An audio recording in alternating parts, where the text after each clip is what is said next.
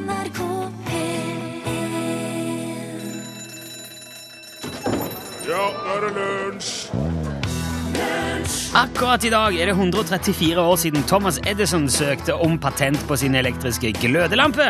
Og 95% av energien i en sånn lyspære går jo med på å varme opp omgivelsene, så derfor går stadig flere nå over til ledd og sparepære og sånn. og Det er jo, det er jo bra. Du hørte der Reidar Larsen, Noas ark, i lunsj på NRK P1. Hjertelig velkommen eh, hit. Her er i dag eh, Gudbjørn Bonhus på knapper og spaker. Hallo, Gudbjørn. Hei, du. Og så her på andre sida av vinduet sitter jeg. Jeg heter Rune Nilsson. Og det er kun jeg som er her på denne sida av vinduet. Min uh, makker Torfinn er i dag uh, ja, Han er utsatt for sykdom, da, i både Skal ikke gå i detalj, men han kan i hvert fall ikke være her i dag. Så vi får gjøre vårt beste uten han. Og det blir jo ikke lett, men vi skal jo gjøre så godt vi kan. Eh, jeg, tenkte at man kunne starte litt i dag med litt sånn livsvisdom. Det er det jo veldig mye av på, på internett. Det er vel det internett består av i hovedsak. Porno og livsvisdom. Og filmer av apekatter som plukker seg i rumpa. Og så er det jo ikke all av den der dommen som er like vis. Men det flyter jo ting forbi innimellom som kan være verdt å legge seg litt på minnet. Og nå i dag så kommer jeg over ei sånn liste over uh, dumme ting vi gjør. Det var litt sånn kategorisk lagt fram. Gjør du dette, er du dum, og ja, og, så, og det er jo en del sånne lister, men jeg begynte å kikke på den, og der var, noen, der var det et par tankevekkere. Um, og det er en del av de tingene som vi kanskje driver med nesten i det daglige, som vi helt fint bare kunne kutta ut, og sikkert hatt det mye hyggeligere, hvis vi klarte. For eksempel det der med å, være, å fordele skyld til støtt og stadig. Finne ut hvem sin feil det var. En kjempesjelden kinesisk vase blir ikke mindre knust av at man klarer å krangle seg fram til hvem som har mest skyld i at den gikk i bakken. Han vil fortsatt være i tusen knas. Det er mye mer fornuftig å bruke tid på å finne ut hva man skal gjøre med det faktum at det nå er knust. Øh, Og selvfølgelig når det gjelder kriminalitet og sånne ting som noen har gjort, ja, ja, ja, skal vi finne ut hvem som har gjort det. Men altså, uhell og ting som går i bakken og dagligdagse hendelser, bare tull. Move on! Opp igjen, sier de. En annen ting som jeg har funnet ut man fint kunne klart seg uten, og sikkert hatt det mye bedre òg uten, kjendissladder. Hvem som er faren til Tones barn, hvor lang tid det gikk etter Aksel, og når barnet blir født, har ingen som helst praktisk betydelse for deg og ditt liv, med mindre du faktisk er faren. Det, er, det går helt fint å klare seg uten. Det får være en måte på hva man skal bruke tid på. Uh, og sjalusi Vet du at Det er mange som faktisk ikke tåler at partneren deres er sammen med noen andre av motsatt kjønn. Selv om det betyr eh, å stresse seg opp for noe de bare frykter kan skje. Ikke noe som har skjedd. Noen blir til og med sjalu over ting som kunne ha skjedd en gang for lenge, lenge siden. Det er bortkasta tid.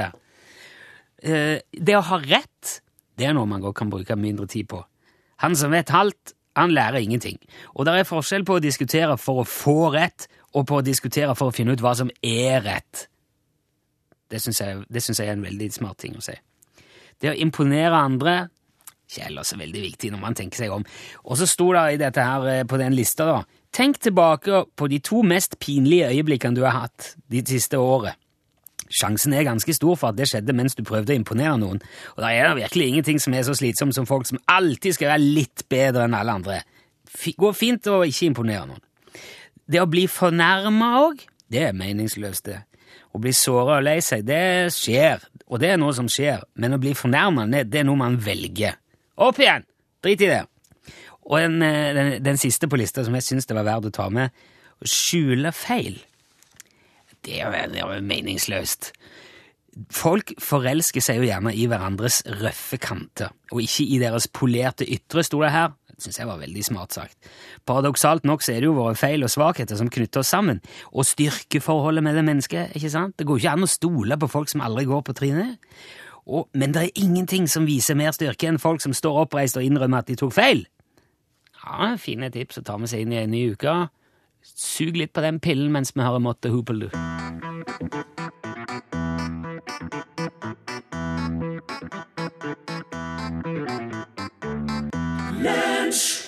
jeg begynte å tenke litt over disse livsvisdom... altså de tipsene i starten der nå. Det var jo bare noen få sånne artige slags sannheter som veldig mange av oss kanskje gjør i det daglige, men ikke tenker over at vi kaster bort tid og krefter på. Eh, Men jeg hadde en venninne en gang som var veldig engstelig i en periode. Og hun, fikk, fikk, hun sleit veldig med å sove, for hun var så redd for egentlig alt mulig. om Det altså, det var innbrudd og brann og kidnapping og gudene vet hva det ikke var. Men felles for alt var at uh, hun var jo redd for, eh, for, at ting, for at ting skulle skje. Men det var jo ting som aldri hadde skjedd med henne. Og det, det slår meg at uh, egentlig så kunne hun like gjerne dekka på til tolv personer i spisestua, laga en full treretters middag til like mange og hatt klar til klokka seks hver dag, bare sånn i tilfelle det kom mange på uanmeldt eh, besøk. Jo, det hadde jo vært veldig mye jobb og mye stress, og måtte jo kaste maten hver dag, men du, du hadde jo i hvert fall vært klar til den dagen det skjedde. Og det, det er jo litt så rart at det man er mest redd for, er ting som ikke har skjedd ennå. Kan gå rundt og være kjempestressa for ting som aldri kommer til å skje heller, istedenfor å slappe av og senke skuldrene og sette pris på at det faktisk ikke er noe galt på gang. Og så har du da min kompis i andre enden av den skalaen. Han kan gjerne sette seg ned og gå gjennom de mest horrible scenarioer oppi hodet sitt. For eksempel hadde han, jeg husker en gang da, var han veldig opptatt av hva han skulle gjøre hvis han ble sperra inne i et brennende cruiseskip. Det, det gikk det mye på en periode. Men han gjorde det ikke for å bekymre seg, han øvde. Så han gikk altså gjennom da hva han skulle gjøre, hvordan, hvor han skulle bevege seg, han skulle springe ja, Nå husker jeg ikke, altså, må jeg, må jeg innrømme, han hadde i hvert fall en veldig klar plan for hvordan han skulle overleve hvis han havna i et, i et brennende cruiseskip. Og um, um, Men han går altså da, ja, han går ikke rundt og er engstelig, han går rundt og er klar, han.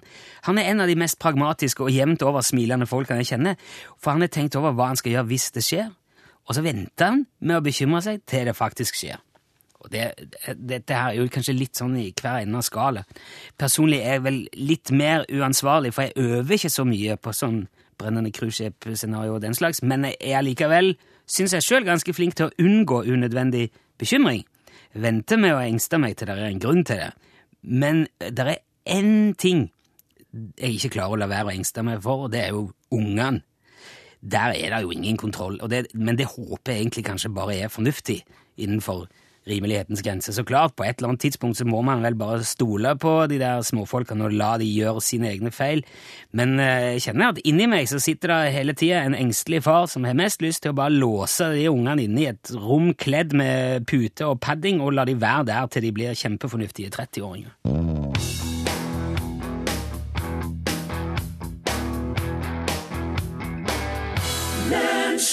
Vi har kommet fram til dagens lyd.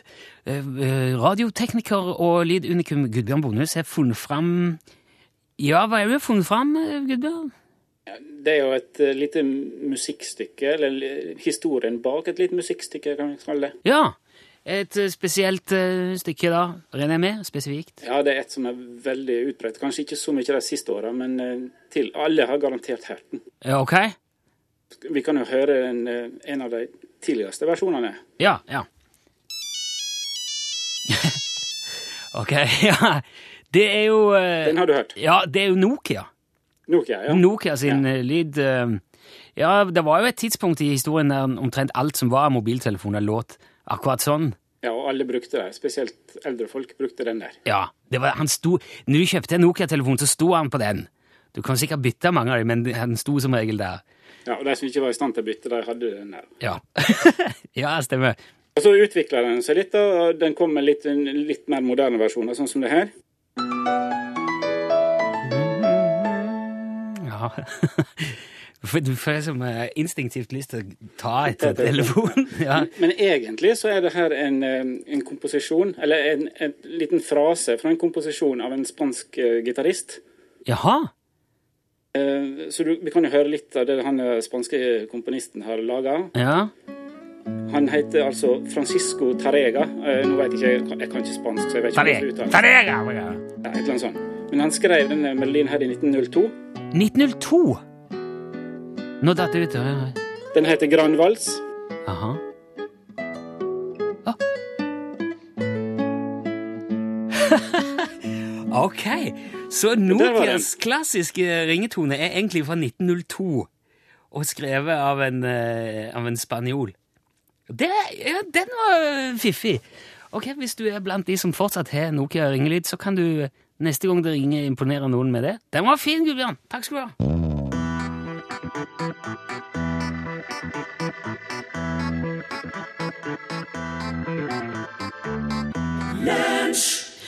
Ståle Utslagsnes fra Utslagsnes i Nord-Norge. Er du med oss? Ja, hallo, hallo. London calling. Er du i London? Nei, ikke du gal. Jeg har ikke tid til det. Ok, det var bare sånn morokommentar. Ja, er en, eh, sang, faktisk. Ja, ja, jeg vet det. Ja, ja, The Police. The Cure. Hæ? Det var The Cure som sang London Calling. Nå, er du så sikker på det? Ja, jeg, det, jeg vet at det var det. Ja, ja, jeg, jeg tror jeg, det- Police har jo også en sang som heter London Calling. Det tror jeg ikke at de hadde. Jo, jo, de har det. Samme det, Ståle. Jeg har ikke ringt for å snakke om musikk. Ja, musikk er kjempefint, det. Ja, det er helt supert. Ja, hvorfor vil du ikke snakke om musikk? Nei, jeg er mer interessert i hva du driver med. Ja, ja, tenk, tenk hvis jeg driver med musikk, da. Har du tenkt på det? Driver du med musikk n nå? Nei, men hvis jeg har gjort det, så måtte vi jo prate om det, da. Ja, men du, du gjør ikke det, gjør du det? Nei, jeg, jeg gjør ikke Jeg driver med, jeg driver med helt andre ting, eh, Nelson. Og, og, og, b- det er blant annet noe som heter eks, ekspang... eh, eh, Altså at vi driver og vokser med andre ting. Ekspanderer du? Nettopp! Ikke sant? Ekspandere. Ja. Og eh, det her blir nå et nytt kapittel i det industrielle eventyret som er på her på Utslagsnes. Ja vel, hva er du skal i gang med nå?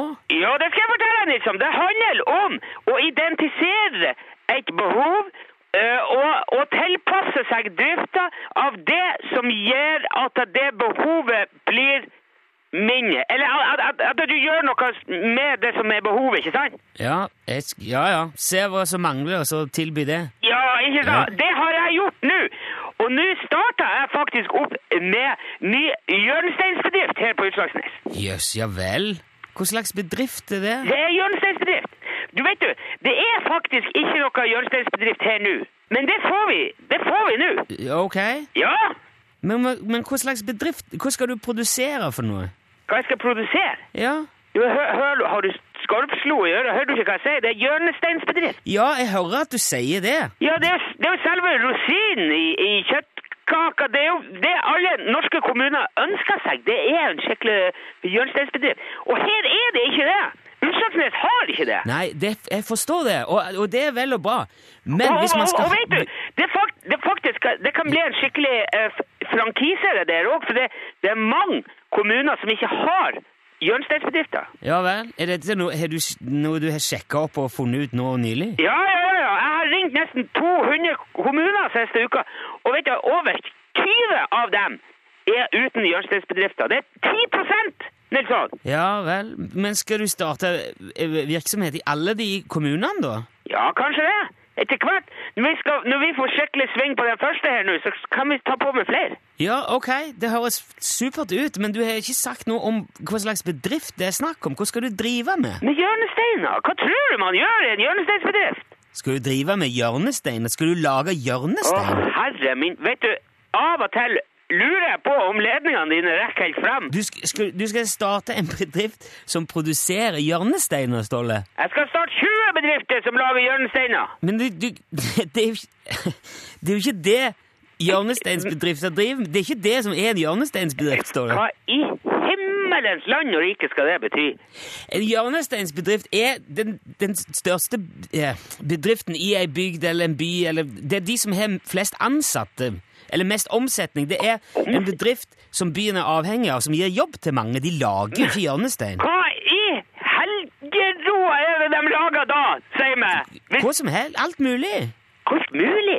Det- Noen hjørnesteinsbedrifter lager gjerne møbler, noen lager vinduer, båter, oljeplattformer Aluminium. Det er, ikke, Aluminium? det er ikke produktet som avgjør om det er en hjørnesteinsbedrift. Hør nå, hør nå her. Hvor mange bedrifter vet du om som lager hjørnesteiner? Ingen. Jeg vet, jeg har aldri hørt om det. Nettopp! Og hva er det, det alle hus trenger? Du, hva er det du må ha når du skal bygge noe? Jeg regner med du skal si hjørnestein nå. Ja, da regner helt rett. Ja. Det er et behov, og det er det vi tar på alvor nå. Men du, jeg, tror de, jeg tror ikke folk bruker hjørnestein noe særlig i det hele tatt når man bygger. Jeg tror det var mye mer vanlig før. Ja, altså, den der Nå- pessimistiskheten di, det kan du bare kutte ut. Det, vet du, det er ikke rart at du jobber i staten og setter på ræva og soper inn fjernsynslisenser, for at du gründer er du i hvert fall ikke.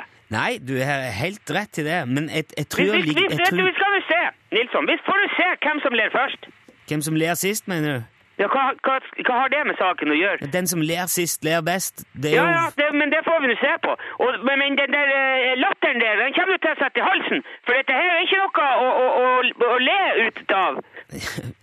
Jeg, håper bare det ikke blir noe å grine av, Ståle. Det kan være veldig lurt å sjekke noen ekstra runder før du setter i gang. i fall. Du, du trenger ikke stole på meg, men sjekk det nøye. Jeg, jeg, jeg har ikke tid til det skrålet. Jeg, har- jeg har ting jeg må gjøre. Greit. Du må ha lykke til, da, i hvert fall, Ståle. Ja, Ta, det er lett for deg å si. Hei, ja, hei. hold oss orientert, da, i hvert fall. Ståle?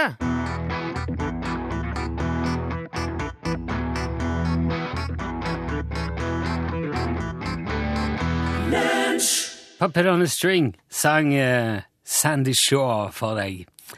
I det Altså, vi prater jo litt om det der med å, å innrømme sine feil eh, i starten av sendingen i dag. Sissel òg skrev en, en tekstmelding etterpå og skrev eh, alle har feil. De som ikke har feil, er ikke noe å samle på. Og det er veldig hyggelig å tenke på at, eh, at jeg, jeg, kan være noe å samle på i dag, for at jeg, jeg var ekstremt sikker på at jeg hadde rett når jeg sa at det var The Cure som sang, eh, som sang London Calling til Ståle, men det var jo ikke det, det var jo The Clash.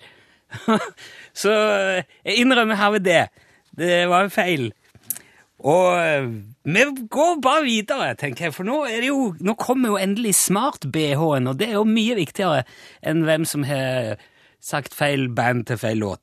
Det er en BH som uh, gjør at um, ja, altså Han sørger for at man ikke får av seg BH-en sin, da, med mindre man er sammen med noen man er virkelig glad i. Dette er, eh, dette er ikke tull. Det er et japansk klesfirma, selvfølgelig. De heter Ravijour, eller noe sånt, blir det i hvert fall på, på eh, fransk uttale. Man skal vel gjerne ha et fransk navn når man driver med klær. Eh, De har altså konstruert en brystholder som kobles til smarttelefonen din ved hjelp av Bluetooth. og inni BH-en sitter det altså sensorer som måler hjerterytme. Og hvis eieren av BH-en ikke er i en viss stemning, så, kan, så lar han seg ikke åpne. han, er, han, han kan altså kun tas av i situasjoner som involverer ektefølt kjærlighet. Og dette har da firmaet, eh, disse her Ravijour, forska seg fram til ved å teste denne BH-en på kvinner i forskjellige situasjoner. Noen som jogger, noen som flørter, noen som har sett skrekkfilmer og diverse sånne ting. Og deretter har de målt hjerterytmen eh, opp mot eh, ja, den ekte kjærligheten da, hos testpersonene. Og så har de satt disse verdiene inn eh, i, i, i smarttelefonen, sikkert i en app, da, og det er den som skal styre låsen i BH-en.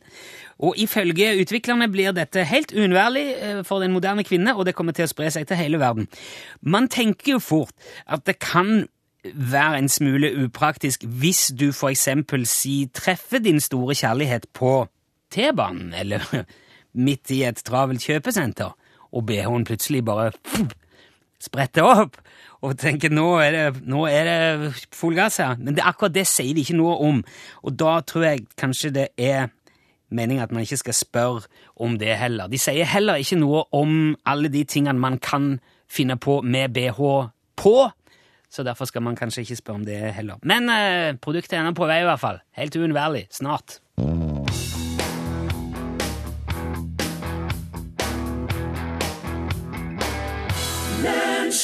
Elle Melle hørte du på denne tida her i fjor. Og han som spiller piano der, heter Odd Eirik, og han har faktisk eh, fått pianotime hos i barndommen. Han var veldig flink til å spille piano, det er han fortsatt. Det fins en vei i California, i Lancaster i, Tal i California, som er eh, musikalsk. Altså, hvis du kjører over denne veien i 55 miles i timen, som er fartsgrensa, altså det er jo da snaut 90 km i timen, så spiller veien et utdrag av William Tell-overtyren av Rossini. Og der er gjort, jeg har funnet et opptak eh, som er gjort inni en bil. Det er ei dame eh, som Jeg er ikke helt sikker på hvem det er. Det er en, en kvinne som har med seg en eh, mann eller en ja, venn eller en ektefelle eller et eller annet. I alle fall så kjører de denne strekningen, og sånn høres det ut inni bilen. Musical paved road. This way. Here?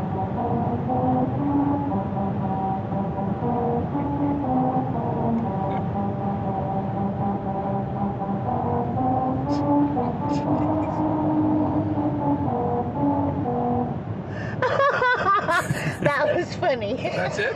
That's it. Det er, dette var altså sånn det oppleves inni bilen å kjøre på den musikalske veien i Lancaster i California.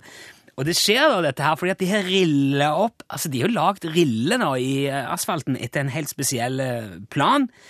Og det ble opprinnelig gjort til en reklamefilm for Honda. Altså de skulle lage ja, ja, en reklamefilm for en eller annen bil, da, en Honda-bil. Men veien ligger der fortsatt, de har ikke gjort noe med det, og det er jo blitt et slags landemerke da i Lancaster. Så der kan man kjøre, hvis man er i California, og høre disse utdraget av William Tell over Tyren. Og det er òg veldig tydelig hvis du går tur langs veien, og da kjører biler forbi. Du skal få høre det en gang til. Dette her er gjort, uh, det et opptak som er gjort på utsida, altså en som står i veikanten. Litt vind her, men du hører veldig tydelig hva som foregår uansett.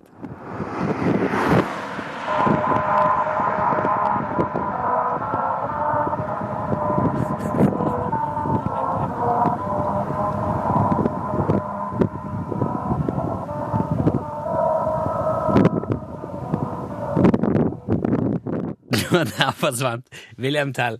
Så da vet du, kan du planlegge neste. Hvis du er glad i musikk, så kan du planlegge ferie til California til sommeren.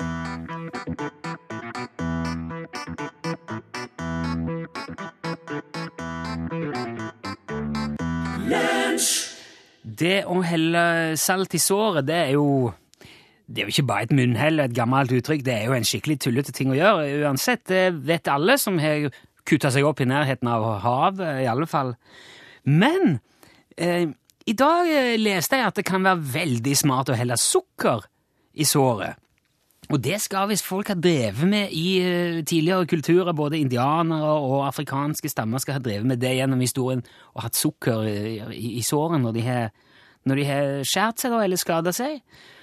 Og eh, dette her har- det visst vært en del sånn snakk om fram og tilbake, så derfor ble det gjennomført et forskningsprosjekt på et eh, britisk sykehus i 2009 som eh, satte seg for mål å finne ut eh, om det hadde noe for seg. Og det skal det visstnok ha. Og der, er- eh, der er Altså, de har kommet fram til at det har positive eh, virkninger, så frem til gjøres på rett måte. Det betyr at man må først rengjøre såret skikkelig og sørge for at det er eh, så lite fuktighet som mulig oppi der. Fjerne alle fremmedlegemer. Hvis du har ramla på, på grusen, så må du få ut alle småstein og ja, i det hele tatt. Gjør rent og tørke. Kanskje liksom padde på det med litt håndkle eller litt papir eller sånn. Og deretter så skal man altså da helle sukker direkte på såret og sørge for at det kommer godt nedi der. Ikke bare bli liggende på overflaten, men godt ned i alle krinker og kroker. Og hvis såret er stort, så kan man smøre honning på først, eh, og deretter strø sukker på toppen. For da vil honningen ikke bare holde sukkeret på plass, men den har jo en masse fordelaktige egenskaper i seg sjøl i tillegg. Honning hjelper jo som kjent for alt. Og etter at eh, såret da er sukra godt, skal man surre på en bandasje for å hindre bakterier og infeksjoner av den slags. Og ifølge studien så bør man skifte bandasjen og rengjøre og ha på nytt sukker en gang om dagen.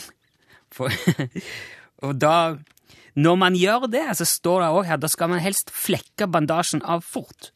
Ikke, ikke bare lirke den for hvis du er litt kjapp, så eh, river den med seg litt sånn dødt vev i samme slengen, og det skal også være veldig smart. Og det siste tipset de skrev om i denne artikkelen, som, som handler om denne forskningen, det er at man må være konsekvent. Og det er her det liksom man begynner å tenke litt, da, for det står at sukkerhelbredelse skal være en langsom prosess, og det kan ta flere måneder hvis det er alvorlig og store sår. Ok, men allikevel mener de at man bør kunne se framgang veldig fort, og sukkeret vil dessuten redusere smerte, både i såret og i skada vev rundt såret. Og dette føler jeg jo bare kort til slutt at jeg skal nevne at jeg fant på en nettside som heter livestrong.com. Og eh, under artikkelen så står det òg en reklame for en healer som er godkjent av DNH og har drevet på siden 1992. Det var jo verdens beste dopingsyklist som sto bak Livestrong opprinnelig, altså Neil Armstrong. Jeg vet ikke helt hvor involvert han er i dag. Det står da heller ingenting om på nettsida. Men jeg ser jo Altså, egentlig er det vel ingenting i veien for at folk som tar steroider, kan òg ha peiling på sukker. Så det trenger jo ikke ha noe å si. Men jeg syns det var verdt å nevne, iallfall. Pour some sugar on me, hvis du føler for det. Det skal være, skal være veldig bra.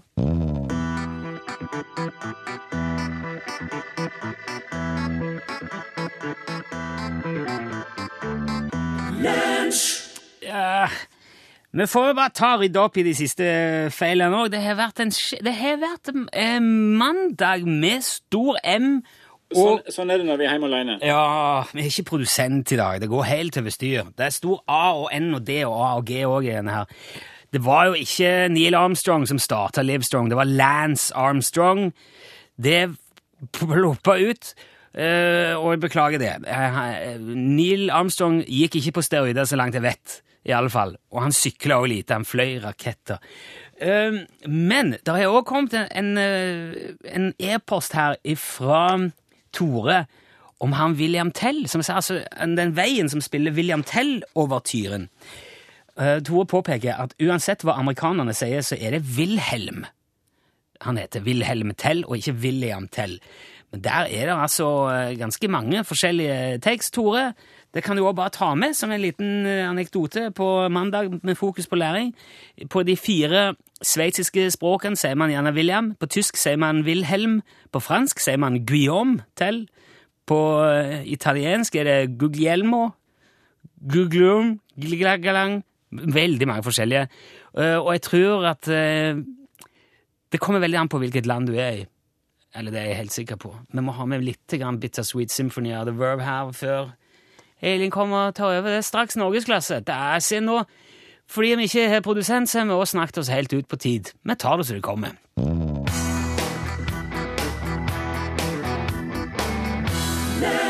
Jeg beklager å måtte si takk til The Verve allerede. Bittersweet Symphony. Alt dette er selvfølgelig Torfinn Borchhus sin feil, for han er ikke her og passer klokka, slik en radioprodusent skal gjøre vanligvis. Du er produsent i Norgesklasse i dag, Elin Ondal har sett. Gjett om jeg har, Ja. og gjett om jeg er glad for det. Det, ja, Ja, det ja, skal du være. Ja, skjønner hvordan du har det. Be produsenten din sjekke navn og fakta òg før du Ok, starter ja, jeg skal ta med meg den. Kollegialt tips fra Ja, meg til deg. ja. Hva, hva er det du skal Nei, altså det er setninga jeg aldri hadde trodd jeg skulle si. Uh, I dag skal vi snakke om propp og fjert. Promp og fjert? Ja. Alltid godt stoff. Nå i norgesklasse.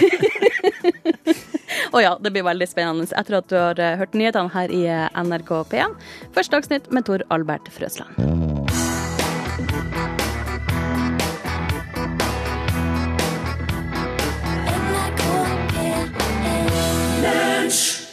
Ja. Viktig melding, lytt på podkast, hallo. Nå har du hørt hele dagens sending. Dette her er det som pleier å være podkastbonus. Litt, eh, det ble litt, den er litt amputert, det må jeg bare innrømme. Jeg hadde ikke produsent under sendingen, jeg har heller ikke produsent nå. Det er Nilsson Solo Depart NRK Alltid er Rune du hører på. Så hvis det skal bli podkastbonus av dette her, så må jeg sitte og jacken away alene, og jeg vet ikke hvor jeg kommer til å gjøre det. Fordi at eh, jeg vet heller ikke om jeg må gjøre det igjen i morgen, og det betyr at jeg må være ekstra flink i dag med å forberede morgendagens sending. Dette her er liksom det, ja, det er de naturlige konsekvensene av å være to mann i en redaksjon. Og når 50% av alle de ansatte er vekke, da sier det seg sjøl at da hangler det litt. Beklager det. Det var veldig mye Det var mye feil og plunder i dag, altså. Det ble veldig sånn mandagfølelse. Eller mandagspreg over hele greia. Og nå ryr det, vet du, inn nå med eh, Altså, for det første så er folk er veldig flinke de som hører på radioen, dette her gjelder vel kanskje ikke så stor grad styret som hører podkast, men radiolytterne. Der kommer det fort beskjed hvis det er noen feil. Og det gjorde jeg jo i dag òg. Mange SMS-er om både The Clash og The Cure, og ikke minst Lance Armstrong, Neil Armstrong. Og altså en om Wilhelm Tell, William Tell. Akkurat den Tell-greia der, den, den syns jeg står seg, for man, amerikanerne sier William, og visstnok i Sveits òg sier de William. William Tell. Mens tyskere og ja, you know, Wilhelm. Legger ikke den så mye på. Men fortsatt, da. Nå er det altså lenge etter sending. Det er over en time siden jeg var ferdig og Norgesglasset eh, tok over. Og fortsatt detter det inn e-poster. da. Jeg kommer via um, uh, publikumsservice. Sykkeldoperen heter Neil Armstrong. Heter ikke Neil Armstrong. Lance er riktig navn. Og her uh, Det var ikke The Cure som hadde London Calling, det var The Clash. Så bare for Altså, nå har du hørt det, men det ble jo sagt i sendinga òg, og det gikk litt, som sagt, over styr. Veldig, egentlig eh, Når man tenker over det, er veldig rart at man skal få det føre seg at det er The Cure som synger London Calling. For det første så kan jeg låten ut og inn. Jeg har sunget den i kor. Så jeg kan jeg kan hele låten.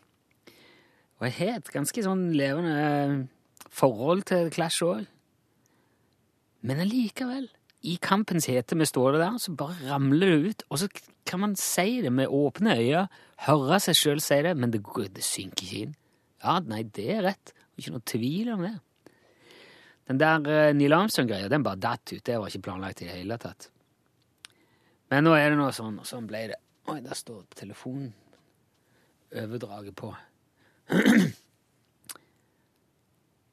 ja, faen, men nå er det jo bare jossing igjen. Jeg kan ikke sitte her og prøve å rettferdiggjøre at jeg ikke har hodet på plass på en mandagssending. Så jeg tror, jeg tror, vi skal si det sånn at uh, så framt Borchhus er oppe og står igjen, eller um, hans uh, pårørende er oppe og står igjen i morgen, så får vi lage en ordentlig podkastbonus. Hvis han ikke er det, så skal jeg se om det er muligens jeg kan få med en gjest eller noe. Så vi kunne prate noe yes om sammen med Det er jo mye folk som tasser og går rundt i gangene her. Det er, liksom det å komme på så Komme på noen, noen velegna Hvis du har noen tips, så kan du sende en e-post. med Tips til gjester. Sånn NRK-folk. Kan jeg sikkert få med folk på linja og sånn òg, eller, eller kanskje bare andre gjester. Forbeholder meg retten til å sile de tipsene litt, men hvis det er noen du mener vi burde kanskje snakket med, så bare gi beskjed. Nå ser jeg her, jeg kan se i den der opptakeren som sitter og snakker, den teller opp Nå har jeg prata i 4 minutter og 42 sekunder, og så står det ledig plass.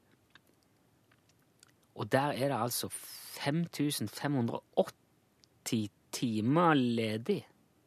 Ja.